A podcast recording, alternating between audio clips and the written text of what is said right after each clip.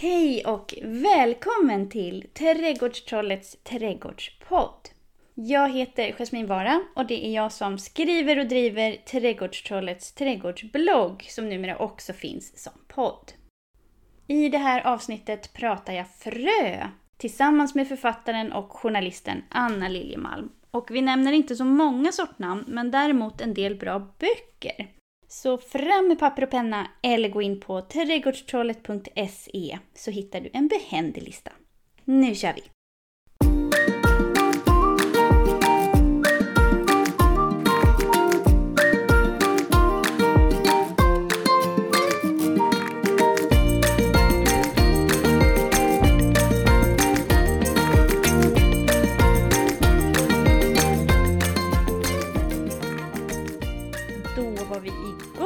Hej och välkommen till podden! Det här avsnittet är upplagt på ett lite annorlunda sätt än tidigare avsnitt. För vi ska inte prata om en specifik gröda, utan istället ska vi prata om många grödor, för vi ska prata om frö. Jag läste boken Frö på jakt efter framtidens mat och kände att det här vore ju verkligen kul att lära sig mer om. Så därför har jag bjudit in författaren Anna Liljemalm till podden. Hejsan Anna! Hej! Du och eh, Erik Abel, ni har ju gjort den här boken tillsammans. Vad var det som fick dig att bli så intresserad av just frö så att det blev en hel bok? Ja men det är en bra fråga. Alltså från början så har jag liksom hängt väldigt mycket med min mormor och morfar i deras växthus och fascinerades så väldigt tidigt av det faktum att de här små, små pytte, pytte, pyttefröna kan generera gigantiska tomatplantor och, och liksom skapa så otroligt mycket mat. Och den här fascinationen tror jag jag delar med väldigt många odlare som, som också har tänkt samma sak.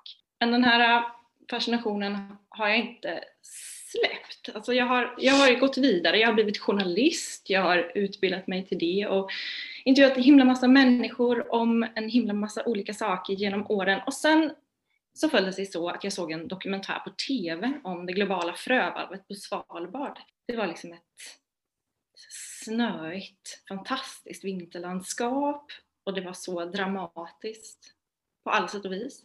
Och i det globala frövalvet på Svalbard så sparar, man säkerhetskopior av världens allra viktigaste fröer. Mm. Och det var bara sådär att jag kände att dit måste jag. Så på den vägen är det. Mm. Och vad är ett frö egentligen? Du sa ju säkerhetskopia och det är ju liksom ett sätt att tolka det på. Alltså jag tillhör ju, jag brukar säga Matrix-generationen. För mig så är liksom ett frö ju nästan som ett program. Vad tycker du att ett frö är? Ja men verkligen. Jag brukar tänka på fröer som en avancerad hårddisk. Mm. Inne i varje frö finns det ju massor av information lagrat redan. Hur bladen ska se ut, hur frukterna ska se ut, hur hög plantan ska bli. Allt det där är förberett. Så det här, när, när det här lilla fröet kommer i jorden så är allt redan programmerat och klart. Fröet vet precis vad det ska göra när förutsättningarna är rätt för att gro. Och många av oss som, som odlar tänker nog ganska mycket på frö och förknippar det med växthus och odling och jordiga fingrar. Men mycket av det vi äter är också frö. Det gäller liksom ris, pasta, vete, till och med kaffet. Havregryn och müsli, det är frö i tillplattad form. Mm. Pizza och bröd görs på malda frön. Ehm, och nästan allt vi äter börjar som ett frö och ändå tycker jag att de inte riktigt har fått det här erkännandet och den cred som de förtjänar. Mm, de har ju lite en ehm, Ja, alltså jag vet inte, jag ska inte säga tynande tillvaro, men jag tycker att vi pratar lite för lite om frö. Det känns som att, alltså jag har ju min bakgrund i trädgårdsbutik. Jag har jobbat i trädgårdsbutik i över tio år och när vi pratar om frön i trädgårdsbutik, då är det ju liksom som en feelgood produkt Det är, åh vad mysigt att odla, och vad härligt att odla. Men det är ändå inte så många som alltså, odlar just frö. Man föreställer sig inte att man odlar frö, utan man föreställer sig att man odlar blommor eller grönsaker. Man föreställer sig att man odlar en morot, inte att man odlar morotsfrö. Men sen tycker jag kanske också, alltså jag känner att jag kan inte sticka under stol med det utan jag måste liksom krypa till korset på en gång och säga att jag är ju medlem i föreningen Sesam. Och det är ju en fröodlarförening eh, som går ut just på att man, man bevarar eh, olika sorter. Man fröodlar dem i bevarandesyfte. Men det är inte alla som tycker att det behövs. Men alltså, vad finns det för fördelar med att odla eget frö egentligen? Ja men eller hur. Ja, det är en ganska stor fråga. Det finns väldigt mycket svar på det. Jag tänker att, att odlare generellt sett är lite mer medvetna än andra hur viktiga fröerna faktiskt är. Att de faktiskt behövs för att vi ska liksom få mat i slutändan. Men det är ju också lätt att glömma bort att de här fröna vi köper på påse, de måste också odlas någonstans. De måste också komma någonstans ifrån. Och en sak som, som är viktig, som jag tycker är viktig och som också fick mig att skriva den här boken, det är det faktum att vi har förlorat så otroligt mycket biologisk mångfald. Eh, enligt en gammal siffra från FNs jordbruksorganisation så har vi utrotat uppemot 90 eller 80% av de sorter som odlades till början av 1900-talet. Mm. Det betyder alltså att hundratusentals antal sorter är borta för alltid. Och de här sorterna, nu blir det en liten historielektion, en snabb. Ja, kör! ja, nej, men jag tänker att ni som inte är så intresserade av det, ni får bara hålla för öronen en stund. Nej men alltså Ända sedan människan lärde sig att odla har man ju utgått från fröna. Efter varje skörd så har man sparat de finaste och bästa fröna och stoppat i jorden nästa säsong för att kunna få mat på bordet även då. Och med åren har man då automatiskt ägnat sig åt en sorts växtförädling för att automatiskt har de här fröna långsamt anpassat sig till den jorden som de växer på. Det betyder alltså att det finns vetesorter som, som är lite bättre på att växa i leriga jordar eller i till exempel lite extra torra förhållanden eller i lite extra blöta förhållanden. Och med åren har man alltså fått fram sådana här landsorter som, som är ganska stabila och klarar av liksom, det mesta, eller i alla fall ganska mycket. Men nackdelen är att de inte är så högavkastande. Mm. Det blir alltså så himla mycket mat. Så med experternas hjälp har vi fått fram nya, mer högavkastande sorters fröer, äh, arter och så. Och det är så, sådana som man kan köpa på påse i regel. Ehm, det är sådana som finns i grönsaksdiskarna på ICA och Coop och sådär. De här högavkastande superpresterande sorterna av olika slag. Fördelen med det är ju att vi inte längre måste vara bönder. Alltså det ska man inte glömma bort. Att mm. förut när, när de här fröna var lite mer långsamma och lågavkastande så behövde ju alla vara bönder. Ja. Det var inte så himla länge sedan vi var helt i händerna på de här fröna.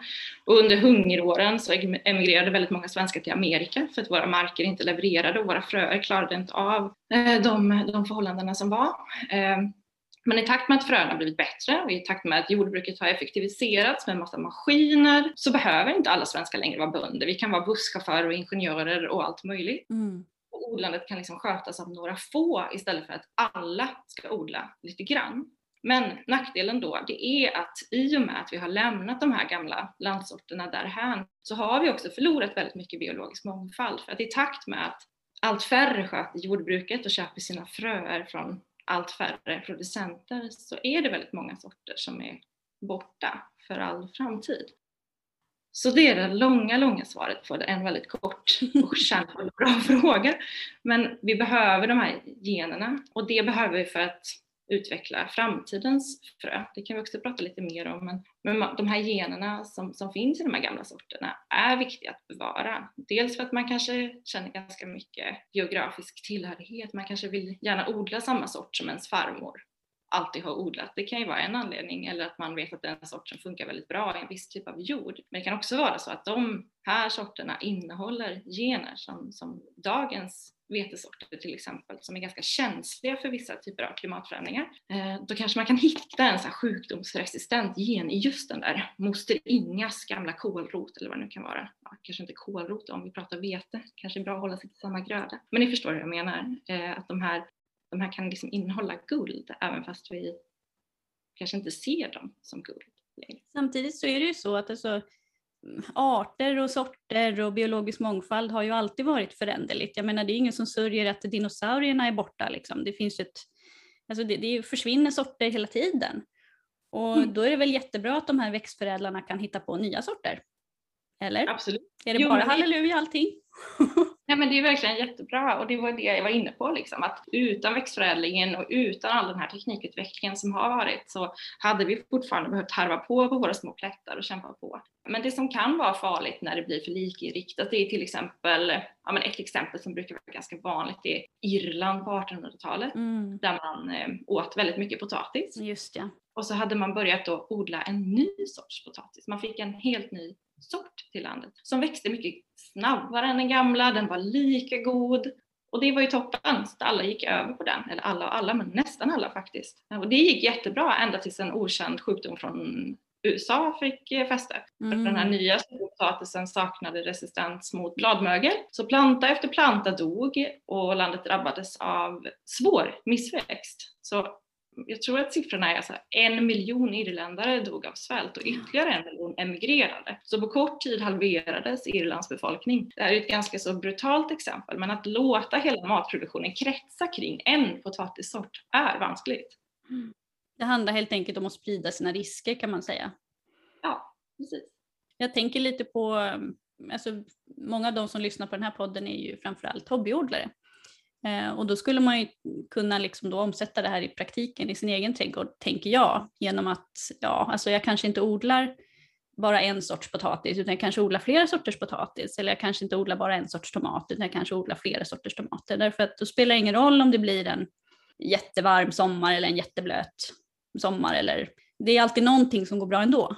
Absolut. Det är väl ett väldigt bra sätt att tänka. Oftast är det ju så. Ibland finns det jättevetenskapliga förklaringar till varför saker och ting går som planerat och ibland kanske inte. Mm. Alltså det kan i alla fall kännas ganska kryptiskt när man har ett gäng planter och hälften mår toppen och hälften mår jättedåligt och man tycker att man har gett dem exakt samma förutsättningar. Mm. Så ja, att sprida sina risker är ju bra både på hobbynivå men också på lite större skala skulle jag säga. Absolut, verkligen.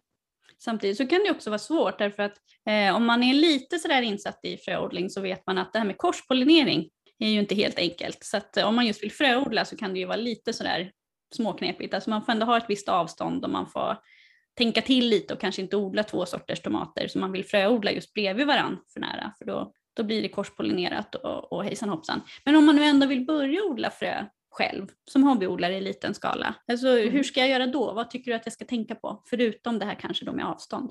Ja men precis, narkospollinering är ett gissel eh, av rang, absolut. Så det gäller att tänka på vad, vad, vad man vill odla och hur sortäkta det behöver vara. Mm. Det beror ju också lite på, alltså jag kan tycka som tomater till exempel, det är klart liksom att man man tar ju en risk om man sätter allihopa bredvid varandra, men om det bara är för hobby, hobbynivå och man bara ska ha det själv och man inte tänker jättemycket på liksom bevara alla gener och allt vad det nu är, utan man håller det på en väldigt basic nivå, då är tomater väldigt, väldigt, väldigt enkelt. Alltså det är ju egentligen bara att kladda ner de här fröna på hushållspapper eller kaffefilter och låta det torka och så kör man. Så så sätt är det ju en ganska så bra, en bra nybörjar gröda. Men annars brukar man också säga att palsternacka är ganska så bra att börja med. Ehm, så det finns sparris är kanske inte lika bra att börja med för där behöver man ha både honliga och hanliga ah. fröer och det är bara de honliga som i sin tur sedan producerar frö men de hanliga behövs för att eh, pollinera.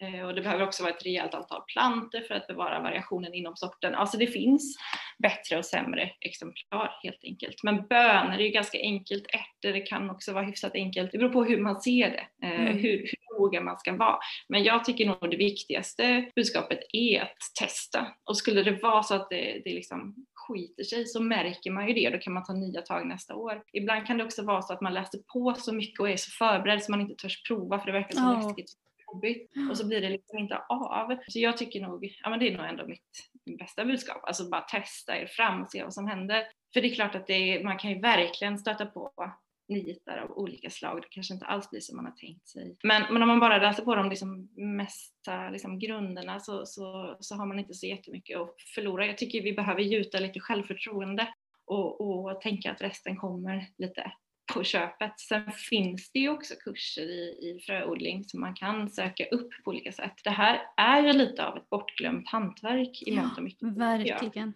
Så det finns ändå folk som är väldigt duktiga och föreningen Sesam som du själv nämnde är ju eh, ett bra exempel. De, de gör ju mycket sånt här eh, och, och lär ut och det finns också böcker som, som eh, ja, men tar upp de viktigaste grejerna som man bara snabbt kan rafsa över och läsa och så kan man ta det därifrån helt enkelt.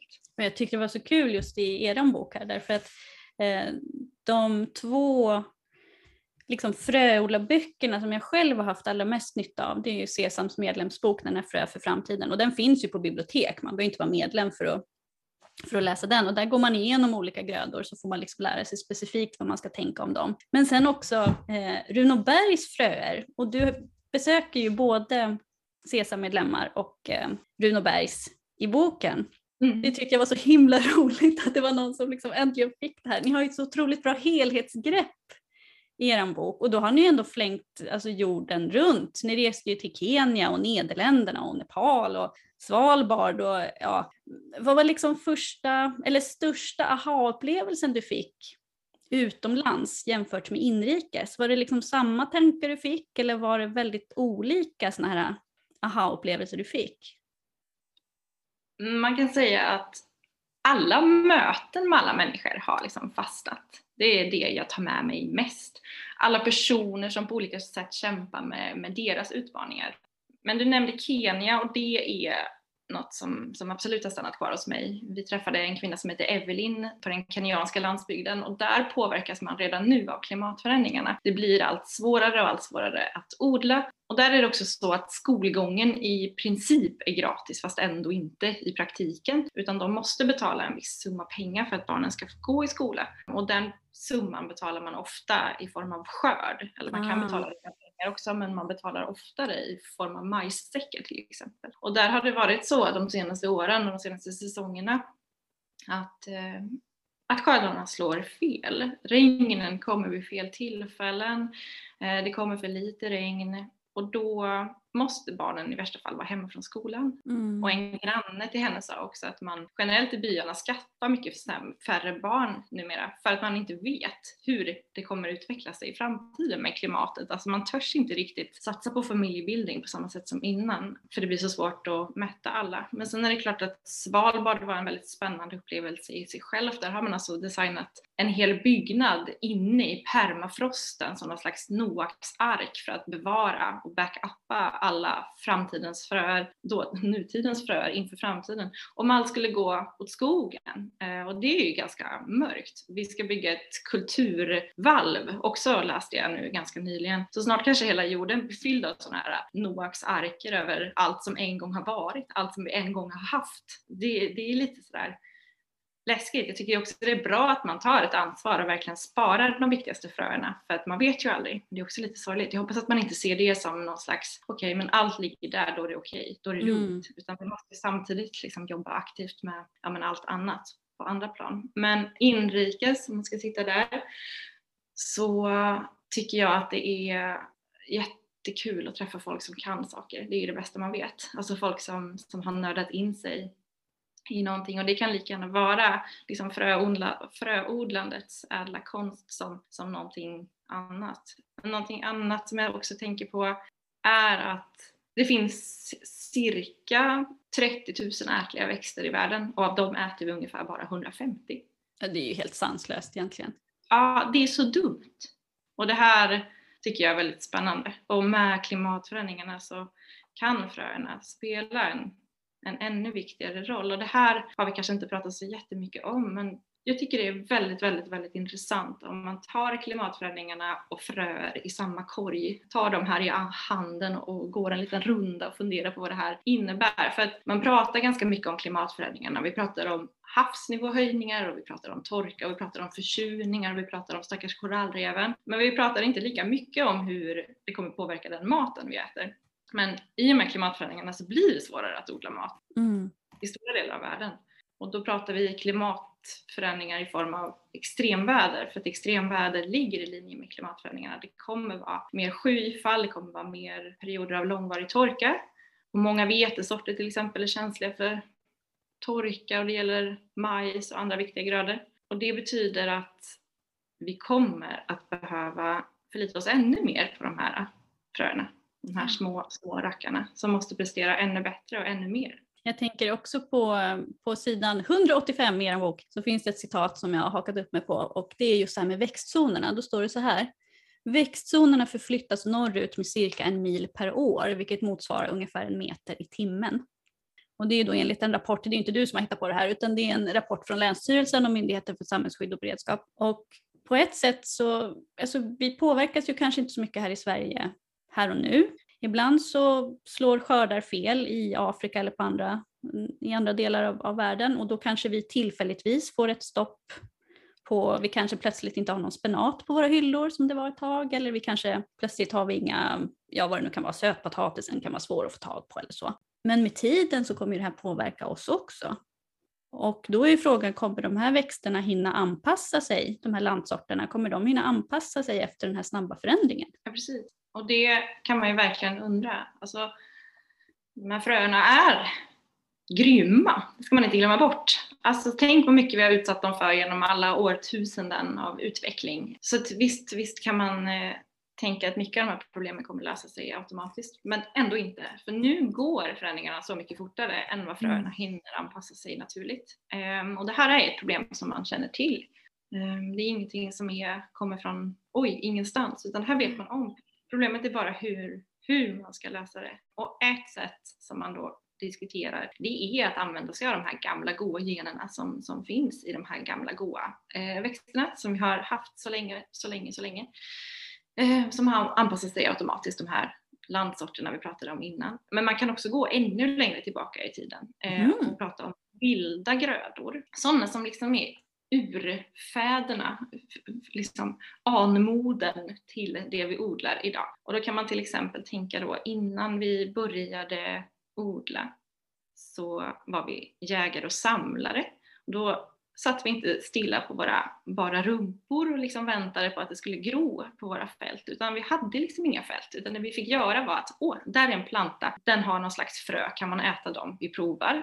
Eh, och sen har ju väldigt många människor strykit med naturligtvis, för man har ätit sånt som inte är så lämpligt att äta. Men successivt har man lärt sig att den här, de, här, de här små plantorna som står här, de kan man äta. Så har den kunskapen liksom passerats vidare generation till generation. Sen var det någon smart rackare som kom på, undrar om vi inte skulle testa att så de här. Och sen har vi alltså börjat odla. Men eh, om vi backar tillbaka till de här eh, plantorna då, som, som man då hade för, för länge, länge, länge sedan. De finns kvar på vissa ställen i världen. Det är en lite rafflande tänk, tanke. Alltså vildris till exempel, som ursprunget till vårt ris. Eller ja, men vilt vete som också finns på sina platser runt om i världen de har stått på samma ställen i ur och skur i liksom hur många generationer som helst. De har överlevt istider och de har överlevt vulkanutbrott och det har säkert varit lite jordbävningar och en och annan eh, värmebölja naturligtvis. Och även de här innehåller ju enorma mängder med gener som är viktiga som man kan använda sig av i dagens moderna växtförädling och alltså korsa in de här vilda kompisarna mm. i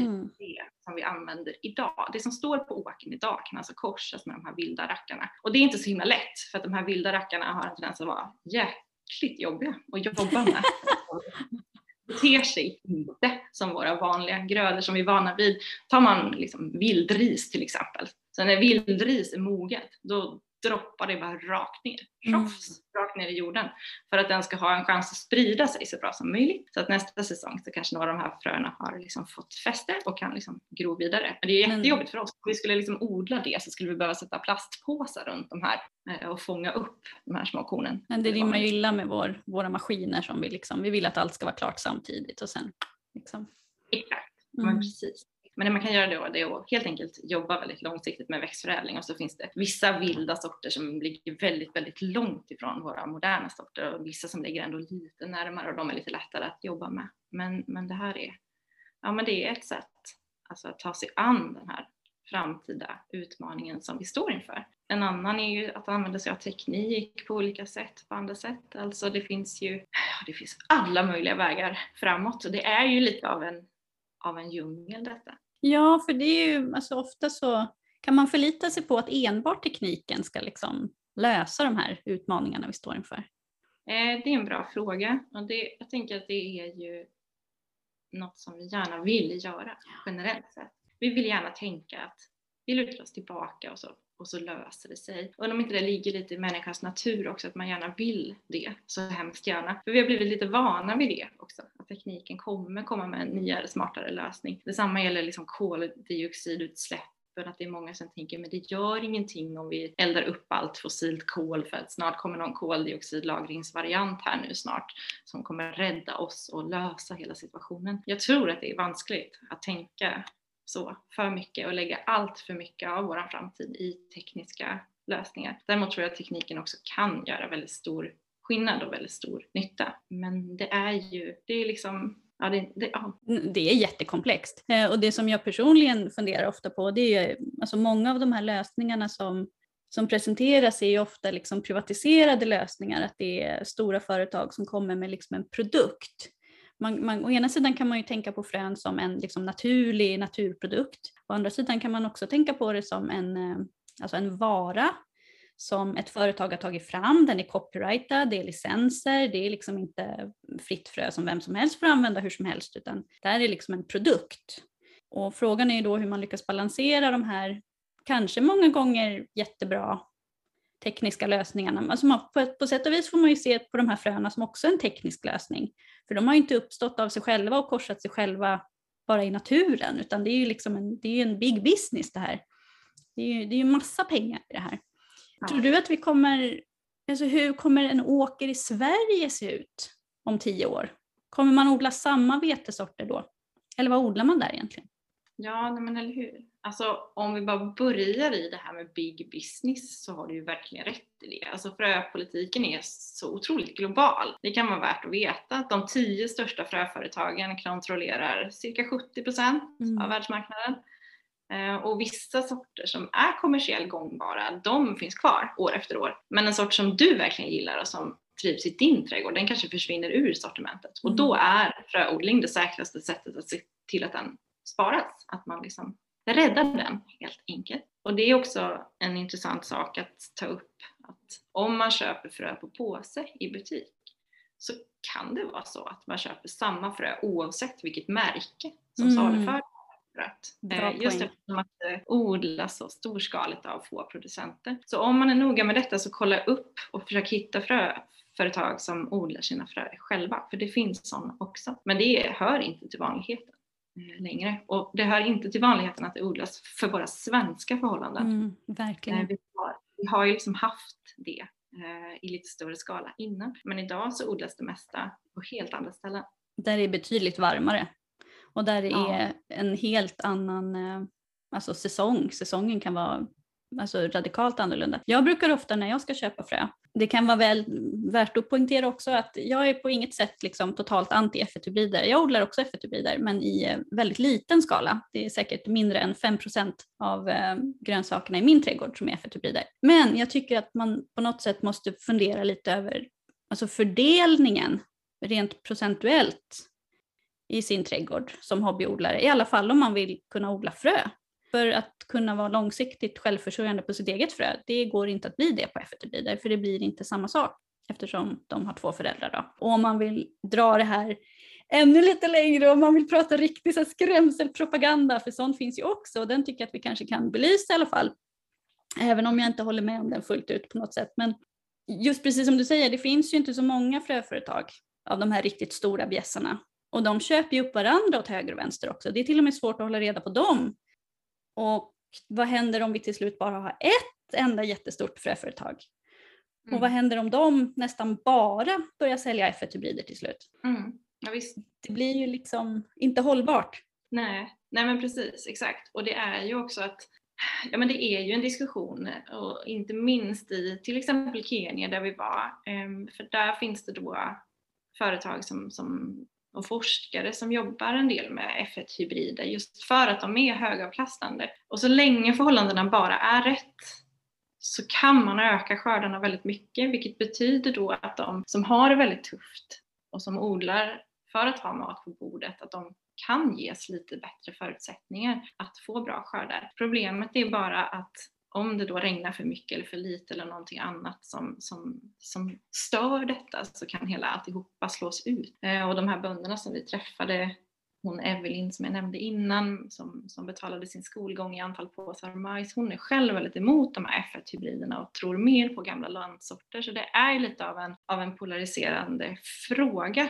Och såklart som du säger, det är klart att de här företagen, de vill ju tjäna pengar på sina fröer och det är klart att de om konsumenterna kan ta egna frö år efter år efter år och aldrig någonsin behöver köpa nya frön. Det är klart att fröföretagen har ju ett visst intresse i det naturligtvis. Så det finns absolut en fara. En annan fara är att, ja men om man tar då Kenya som exempel nu när vi har börjat där, det kan ju verkligen vara så att, att de i Kenya har väldigt specifika förhållanden och väldigt specifika önskemål. Men om de här globala stora fröföretagen tjänar mer pengar på att sälja frö till rika amerikaner så kanske man väljer att göra det istället för att ta fram sorter som är speciellt anpassade för att lösa hungerkrisen i Kenya. Mm. Så det här är ju, ja, det är, inte den, det, det, är inte den lättaste frågan. De här F1-hybriderna kräver en del curling och en del daddande, vilket ja. rimmar väldigt bra med våran precisionsodling, alltså när man har teknik som övervakar vatteninnehåll och mm. allt in i minsta detalj som vi har. Och som Holland är ett bra exempel till exempel.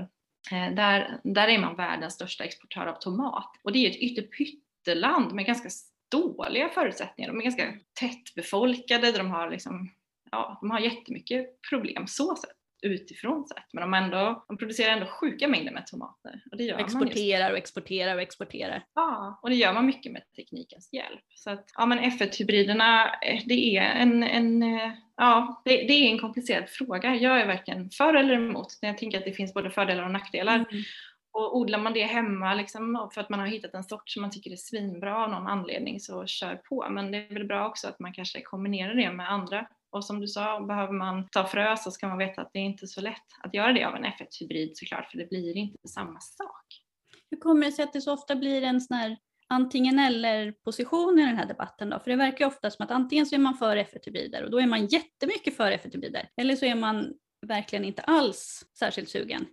Varför kan man inte odla dem tillsammans? Ja, jag tänker att det är som med mycket annat, att, att vi har en lätt vi har lätt för att bli lite svartvita.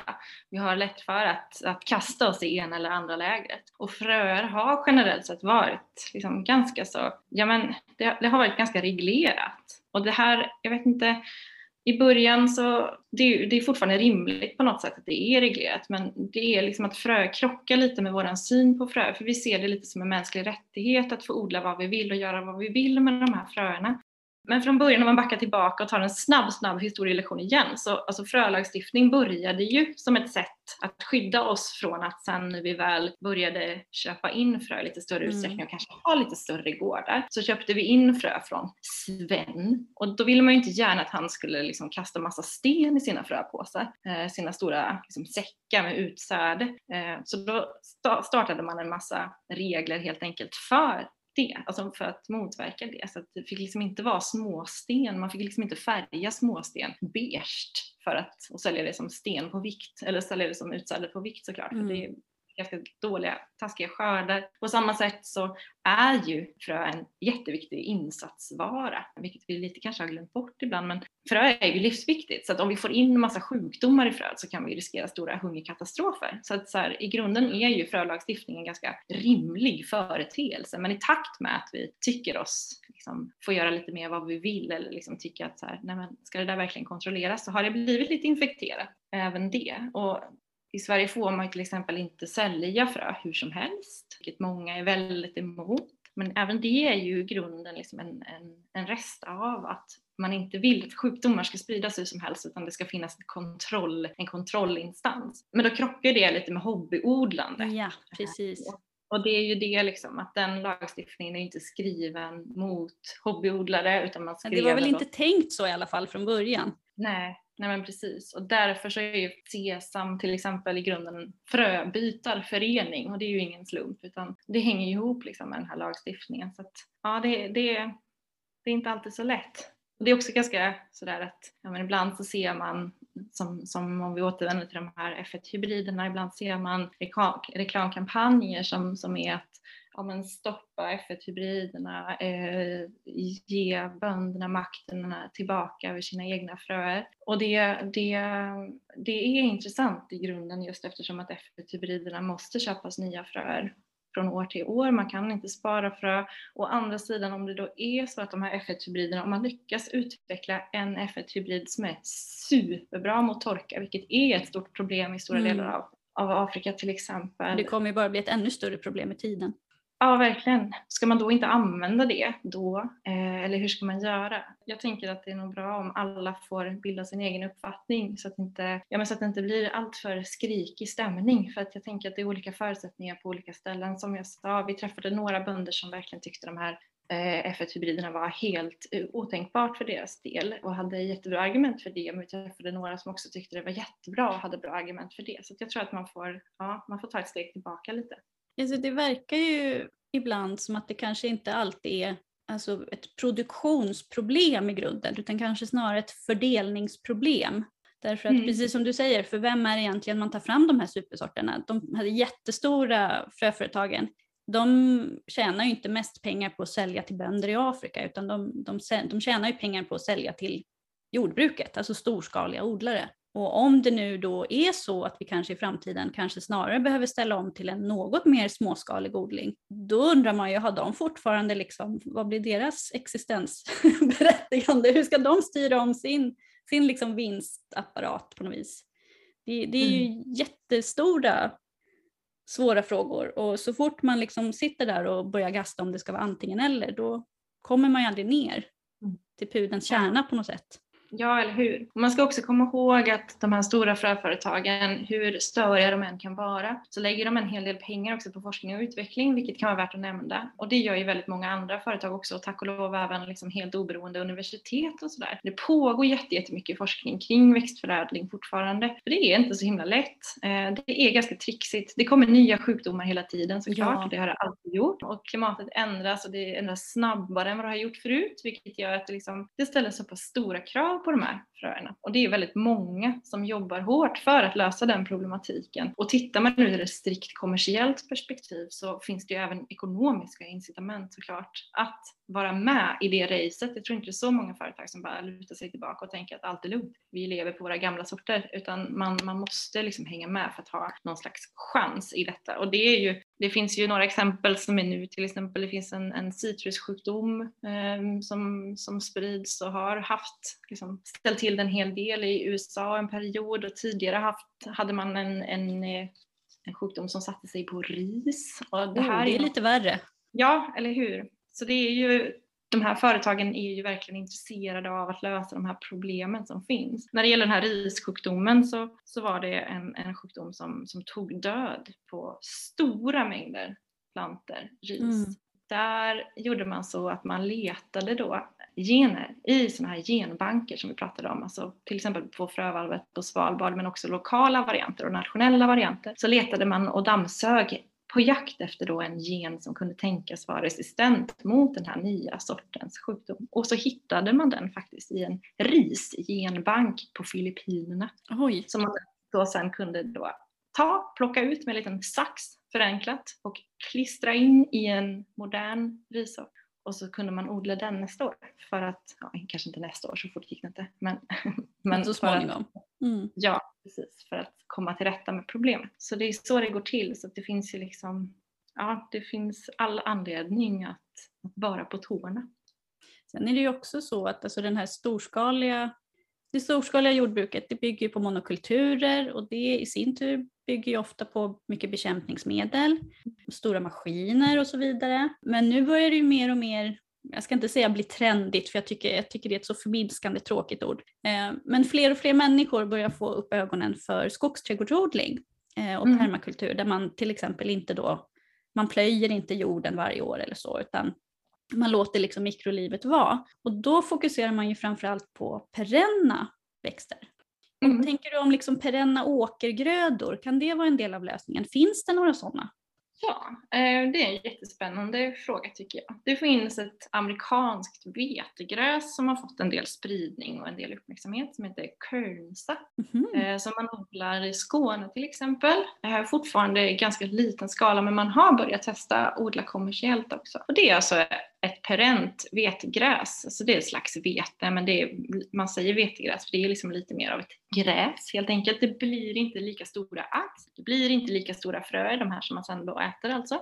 Men den kommer tillbaka från år till år till år. Eh, man har också sett att den har ganska så kraftiga rötter, eh, rimligtvis då eftersom att den helt enkelt övernattar här i jordarna på vintern. Men det gör också att den är ganska så bra kan vara, man misstänker att den kan vara ganska bra på att stå emot torka på ett sätt. Som, mm, rötterna blir liksom djupare. Ja, precis. Exakt. Så det är absolut en spännande utveckling. Det finns ju forskare som jag pratade med som, som pratade om den perenna revolutionen. Som tror att i framtiden så kommer en allt större del av våra åkergrödor vara fleråriga och tror att den här det här som vi har ägnat oss åt nu, den här ettårigheten, att det är någon slags parentes. Men det är en mm. otroligt lång parentes, det får man ju säga i så fall. För att vi har ju, vi har jobbat med de här ettåringar kompisarna otroligt länge. Det, det, är så vi har, det är så vi har gjort, så vi har gjort i alla tider nästan när vi har odlat. Alltså i stor skala i alla fall. Och det tror man ju beror på att de här ettåriga, alltså de växer upp,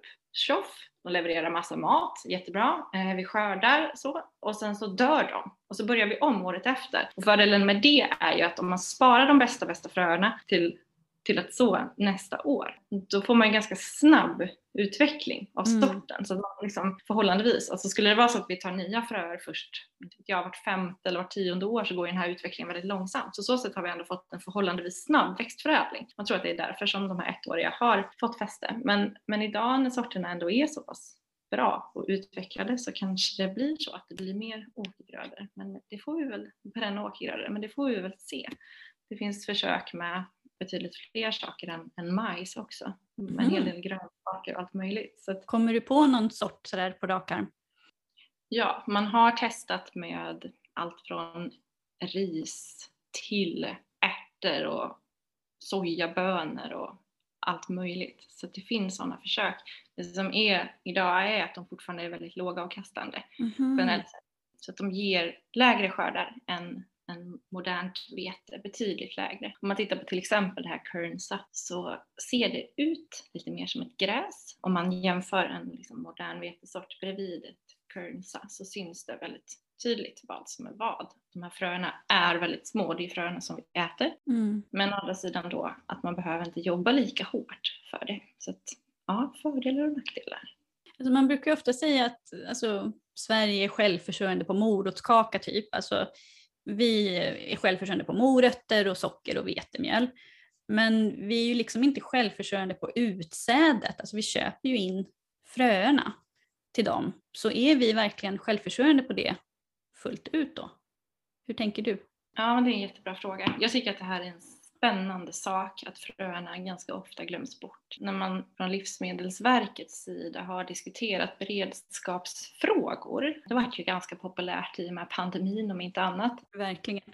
Att man liksom började fundera på vad har vi egentligen? Hur, hur rustade är vi egentligen här i Sverige? Då har man sett att vi i Sverige importerar ungefär varannan tugga, alltså hälften av all mat vi äter i Sverige importeras. Det är jättemycket. Det är väldigt mycket ja. Och sen är vi självförsörjande bland annat på till exempel ja, vete. Även om vi exporterar en del och faktiskt också importerar en del. Det är lite märkligt men så är det med det. Man, man har liksom inte tänkt på fröerna. Eh, mm. och från Livsmedelsverkets sida då när, när de har gjort de här beredskapsplanerna så har man glömt fröerna. Alltså planen börjar med maten, fröerna. Mm. Så, hur får man dem? Så de, det glöms väldigt ofta bort. Så är det verkligen.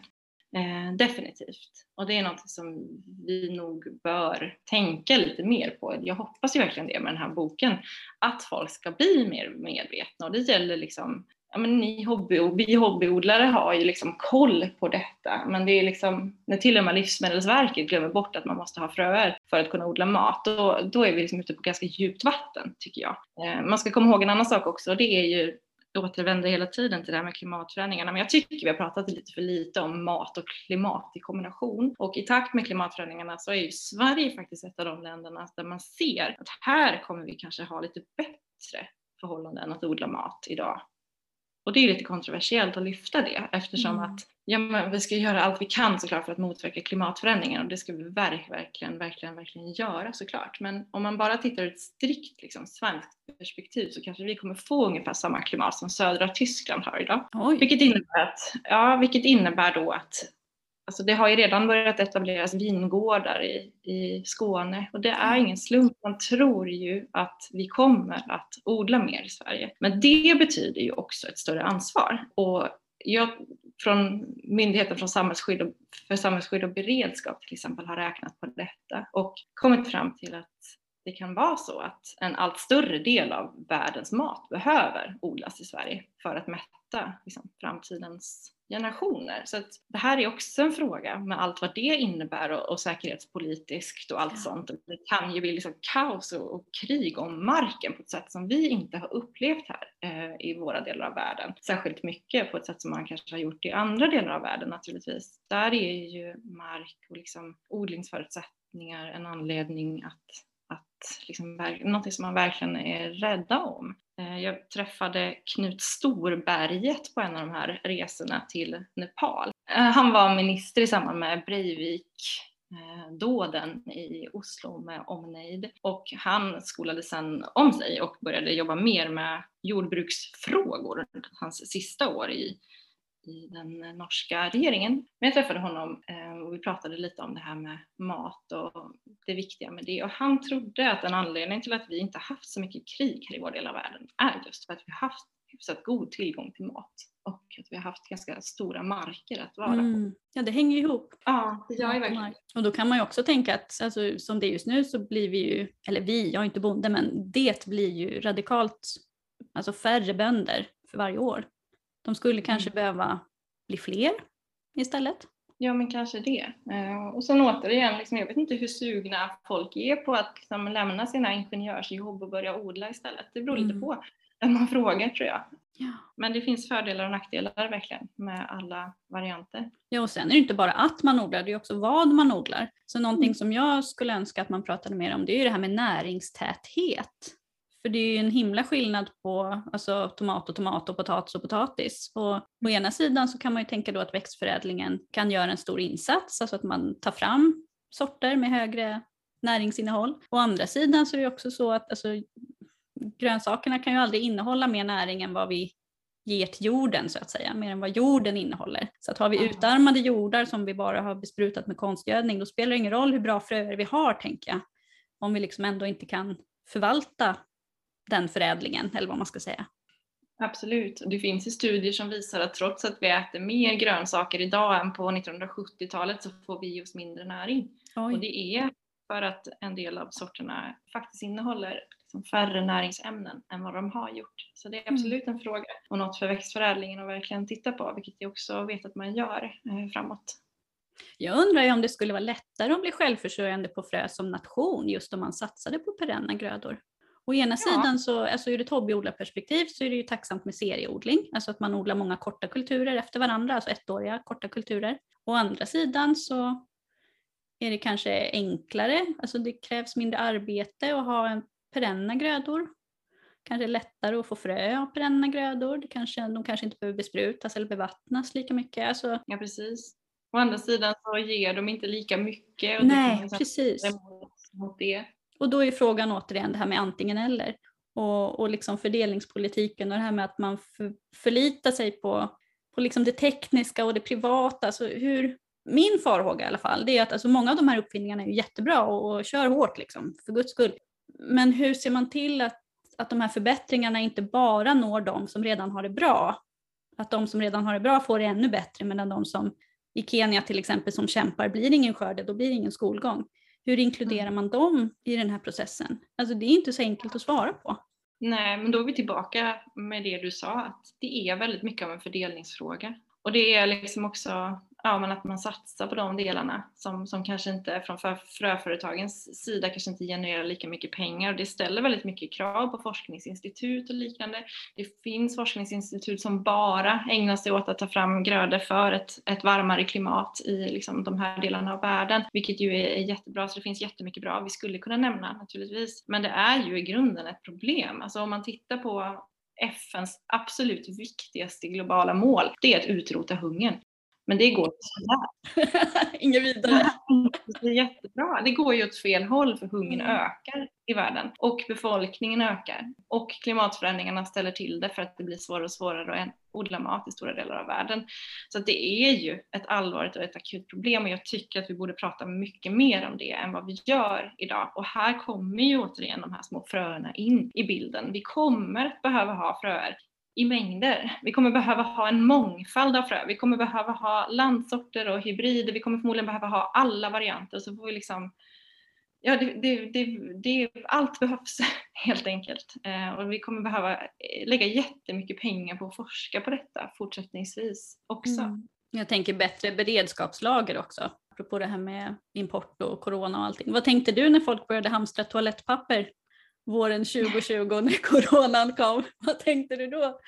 Ja, men jag blev nog väldigt förvånad som de flesta andra nog också blev. Alltså är det någonting vi har gott om i det här landet så är det i alla fall skog. Och är det någon industri som vi är ganska liksom bra på så är det liksom pappersbruken. Det är som att, ja nej det var verkligen märkligt. Det var väl ja, det var otippad utveckling. Det måste ju vara något grundläggande i oss, liksom, att vi går tillbaka till vad behöver vi ha för att klara dagen? Men jo, men det är vatten och det finns i kranen och allt vad det nu är. Men jag tycker att vi borde fundera mer på det här med vatten i kranen och, och maten vi äter, för det är ju, ja det är verkligen allvarligt. Alltså om vi också säger vatten är vår absolut viktigaste råvara vårt absolut viktigaste livsmedel. Så skulle det vara så, det finns ju jättemycket problematik med dricksvattentäkter eh, och allt vad det nu är med det och grundvattenbrist och, och ja, där har vi också en utmaning att, att knäcka inför framtiden.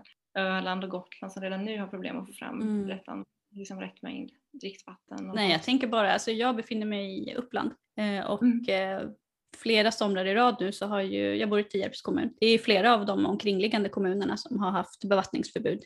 Eh, vi har inte haft det i min kommun utan vi har så pass mycket vatten att vi till och med kanske exporterar vatten efter vad jag förstått. Mm. Men det här märks ju mer och mer och liksom hela allt det här det är ju så, det är så stort och det är så svårt och, och allting hänger ihop och det är ju så lätt att som individ känna sig väldigt liten och ynklig och fjuttig och obetydlig i de här mm. sammanhangen. För det här är ju liksom strukturella problem och det är mm. ingenting som jag som individ kan lösa. Men om jag ändå på något sätt som hobbyodlare vill vara en del av lösningen och inte en del av problemet, hur tycker du jag ska tänka då? Hur tycker du jag ska göra då som privatperson? Ja precis, det är en jättebra fråga. Men jag tänker att hur stor den här frågan än är, hur stora utmaningarna än är globalt så kan man alltid göra någonting själv på, på hobbynivå. Och som odlare har man väldigt mycket möjligheter att hjälpa till. Alltså bara det att hålla, hålla jordarna levande istället för att asfaltera igen dem och liksom döda den biologiska mångfalden för evigt är ju ett jättebra sätt, ett första steg. Genom att odla så gynnar vi pollinerare som, som i sin tur också hjälper oss på alla möjliga olika sätt. Men om vi tittar då rent odlingsmässigt vad man väljer att odla. Ja men testa då att odla olika sorter, försök få till en bred mångfald. Men också var nyfiken på grannarna. Kan det vara så att det sitter en liten, en liten Stina eller en Gösta några gårdar bort som har odlat liksom kålrot eller någon speciell sorts som, som folk i bygden gillar? Ja men fråga då, finns den liksom på fler ställen? Finns den säkrad? Liksom, vad händer om, om Gösta går bort? Se till liksom att, att byta frö med varandra, ha liksom ett levande utbyte och att ja, men också skapa ett intresse kring de här frågorna. Bara genom att vara intresserad tror jag att man har vunnit ganska så mycket. Och som, som odlare så har man ju Många drömmer om att vara självförsörjande naturligtvis, men det är också något som kräver oerhört mycket jobb. Mm. Jag tror mm. också man får vara lite snäll mot sig själv och tänka att man också bara är människa och att ja, men gör det som går, det som funkar och så mycket som man hinner och orkar. Men, men, men ja, eh, men gör så mycket som ni bara vill och kan. Och tänk till genom att välja sorter som jag sa jag ska inte ge mig in i den här debatten om ekologiskt eller icke-ekologiskt. Det finns ju många sådana här minfält och det finns, ja, det finns mycket sånt här att ge sig in i naturligtvis. Eh, jag har försökt hålla mig utanför det så det går. Det är inte helt enkelt kan jag säga. Det är särskilt inte nu det här med klorpyralid och grejer. Det är många odlare som kanske länge hållit på med eko produkter och ekogödsel och sen helt plötsligt så vågar man inte det längre och hur ska man hantera det? Ja. Alltså det är ju jättesvårt. Och det är ju sånt som kommer utifrån. Vi är bara, alltså, hur ska man, det känns ibland som att man måste liksom vara, ha en doktorsavhandling i allting för att liksom förstå mm. vilken produkt man, man vågar köpa. Ja, verkligen. Absolut. Visst är det så. Och hela den här debatten med GMO eller inte ja. GMO, den debatten har vi inte haft så jättemycket av i Sverige på samma sätt som man det kommer nog. Det är ju liksom också en sån här Bauta-fråga, så det finns mycket att sätta tänderna i om man vill, vågar och kan, eh, eller vad man ska säga.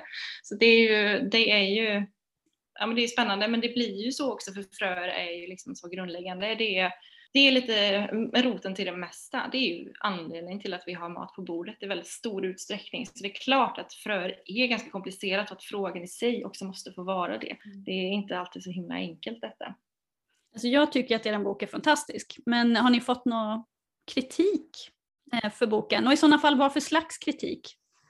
Just det, en, en, bra fråga. Nej men det har inte varit liksom någonting så specifikt som, som vad vi har hört i alla fall. Det är jag som har skrivit den och det är Erik som har tagit alla bilderna. Men nej, det har det ändå inte varit. Men jag hade nog kanske önskat att, att att folk hade, alltså att typ Livsmedelsverket och så, att det hade blivit en större grej, ett större uppvaknande. Det kanske det har varit, vad vet jag. Jag har inte, sitter inte på deras kontor och kikar in eh, om dagarna eh, och alla sitter väl hemma för övrigt. Så, så här, det, det är kanske lite otacksamt också att släppa en bok mitt i pandemin samma dag som alla restriktioner och allting infördes med största möjliga kraft. Men, men eh, nej, jag tycker att det har varit ganska sansad debatt, eller vad man ska säga, kring alla de här komplicerade frågorna som det ju ändå i grunden är. Det som har varit är väl mer bara att jag har hört väldigt många som oj, jag har aldrig tänkt på fröer på det sättet eller oj, jaha vad intressant. Och då framför allt från sådana som inte odlar själva. Mm. Men jag tycker att det är spännande att när jag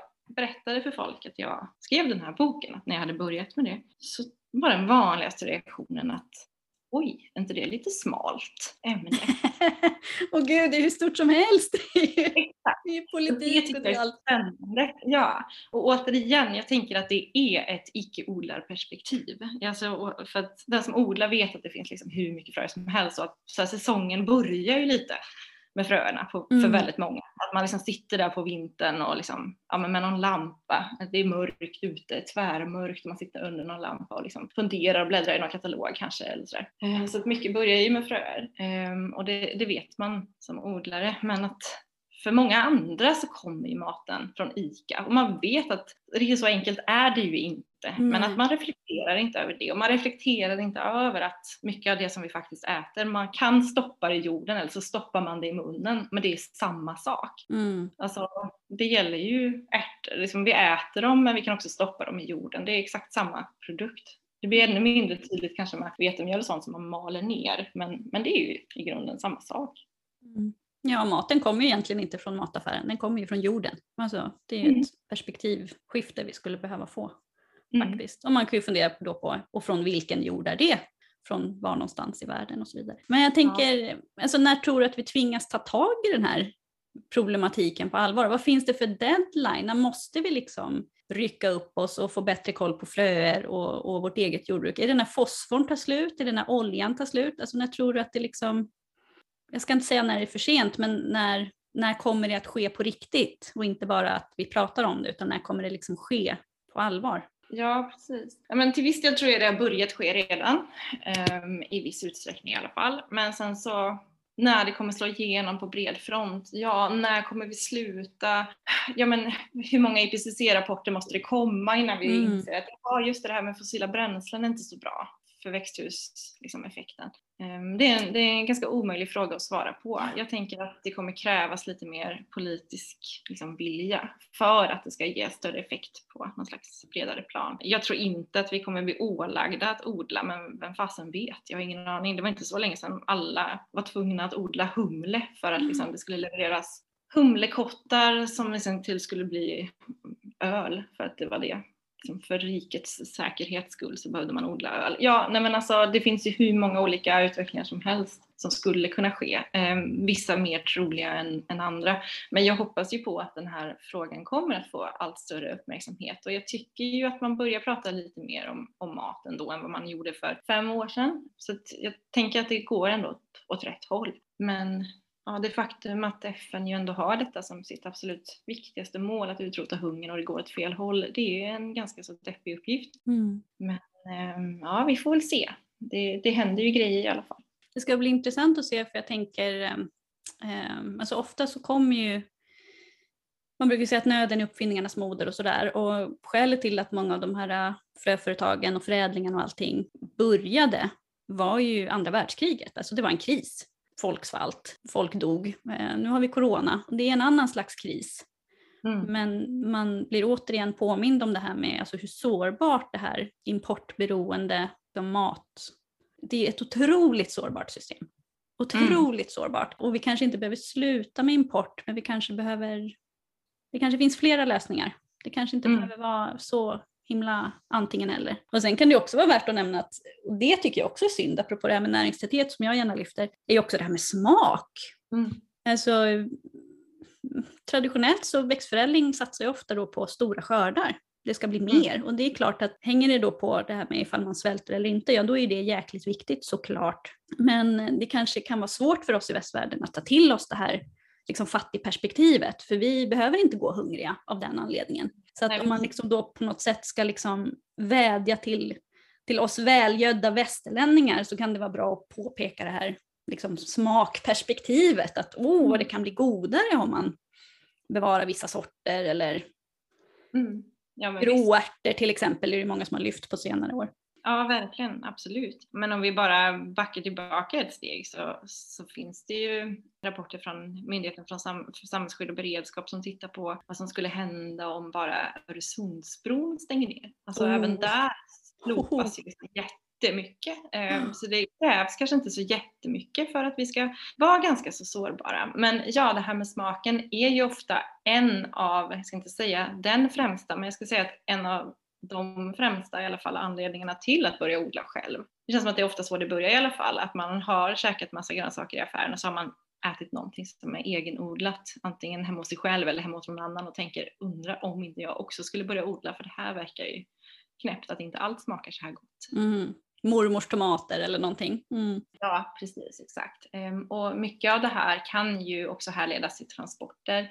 Att Eh, man plockar men, frukt och grönsaker i ganska stor utsträckning när de inte är helt mogna för att de ska hantera transporterna som är ganska långa.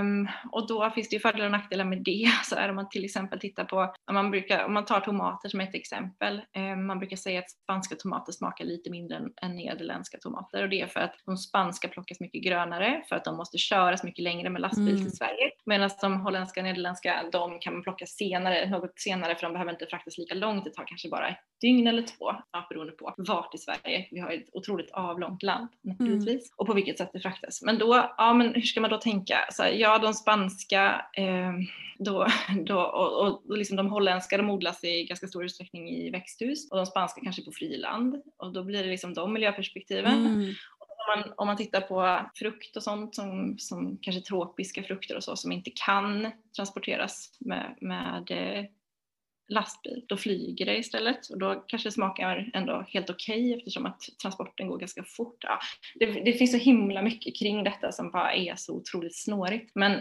det ska ju sägas att det finns väldigt mycket växtförädlare som jobbar med det här med smak också. Vi pratade till exempel med en växtförädlare i Nederländerna som hade utvecklat en jäkligt god paprika sa de. Vi fick inte smaka den tyvärr. Åh, synd intyga sanningshalten. Men det de hade gjort var att de hade utvecklat en, en god ny paprikasort som var grön. Alltså när den var mogen så var den grön. Mm. Och det funkar inte för att konsumenten mm. automatiskt eh, träig, hård eh, paprika. Den tar vi inte. Mm. de hade testat att skriva på förpackningen liksom så här, extra extra söt ny sort så, men det funkade inte för vi är så vana vid att en, en, en mogen god paprika den ska liksom vara röd eller gul eller orange beroende på vilken färg vi föredrar. Så det är mycket sånt där också som kan vara lite klurigt. Mm. Jag tänker alltså gud, det finns ju mycket som helst. Fick du med allt i boken eller fanns det något som du hade velat skriva mer om som inte fick plats i boken?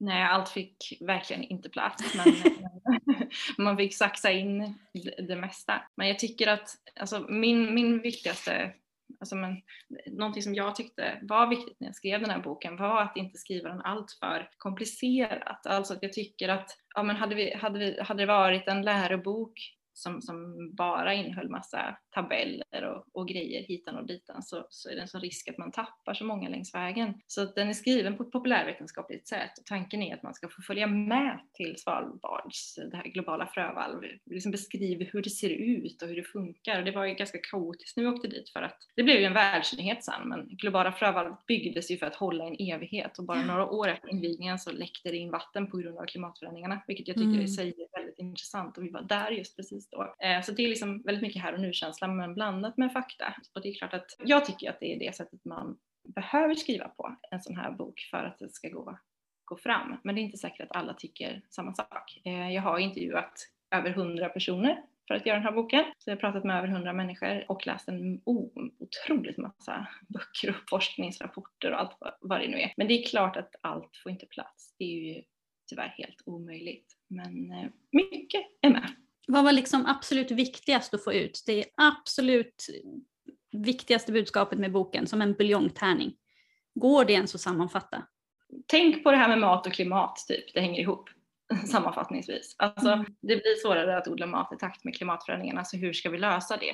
Och att mycket av lösningarna, många av lösningarna sitter i fröet och i de fröer som redan finns. De här urgamla fröerna som har suttit på samma ställe och vajat i vinden i årtusenden, men också i nya smarta växtförädlingsstrategier och i någon slags synergi däremellan. Alltså att, ja, viktigheten av våra fröer.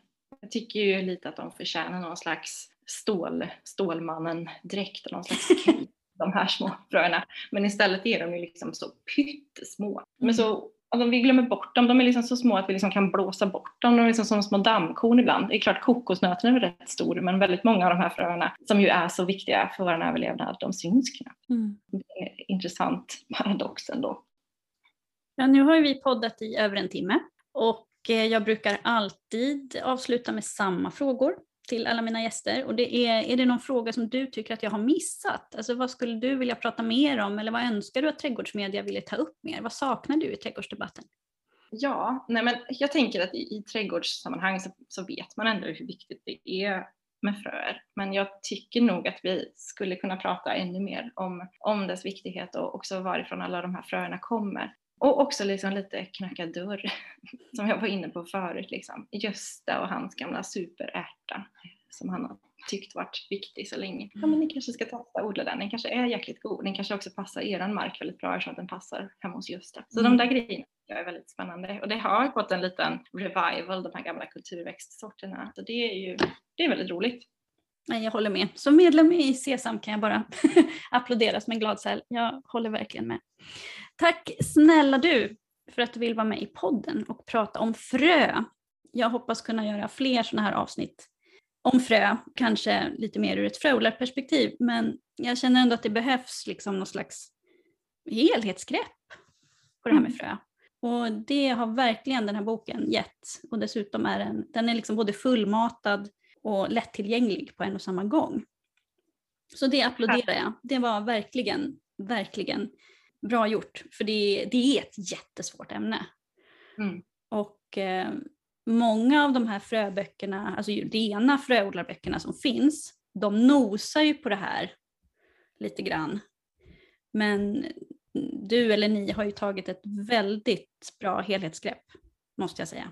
Tack Så snälla. tack snälla för den läsupplevelsen. Tack! Alltså det är så härligt att få prata för er. Heja Frö! Heja Frö, jag säger samma sak. Och tack snälla för att du vill vara med. Det vore jättekul om vi kunde träffas på riktigt i framtiden. Den här podden är inspelad via Zoom. Det är fortfarande pandemi, om det är någon som mot förmodan har missat det. Ehm, så tack snälla för att du ville vara med via Zoom. Så får du ta hand om dig så hoppas jag att vi ses på riktigt i framtiden. Ja men du detsamma, det hoppas jag också. Tack snälla.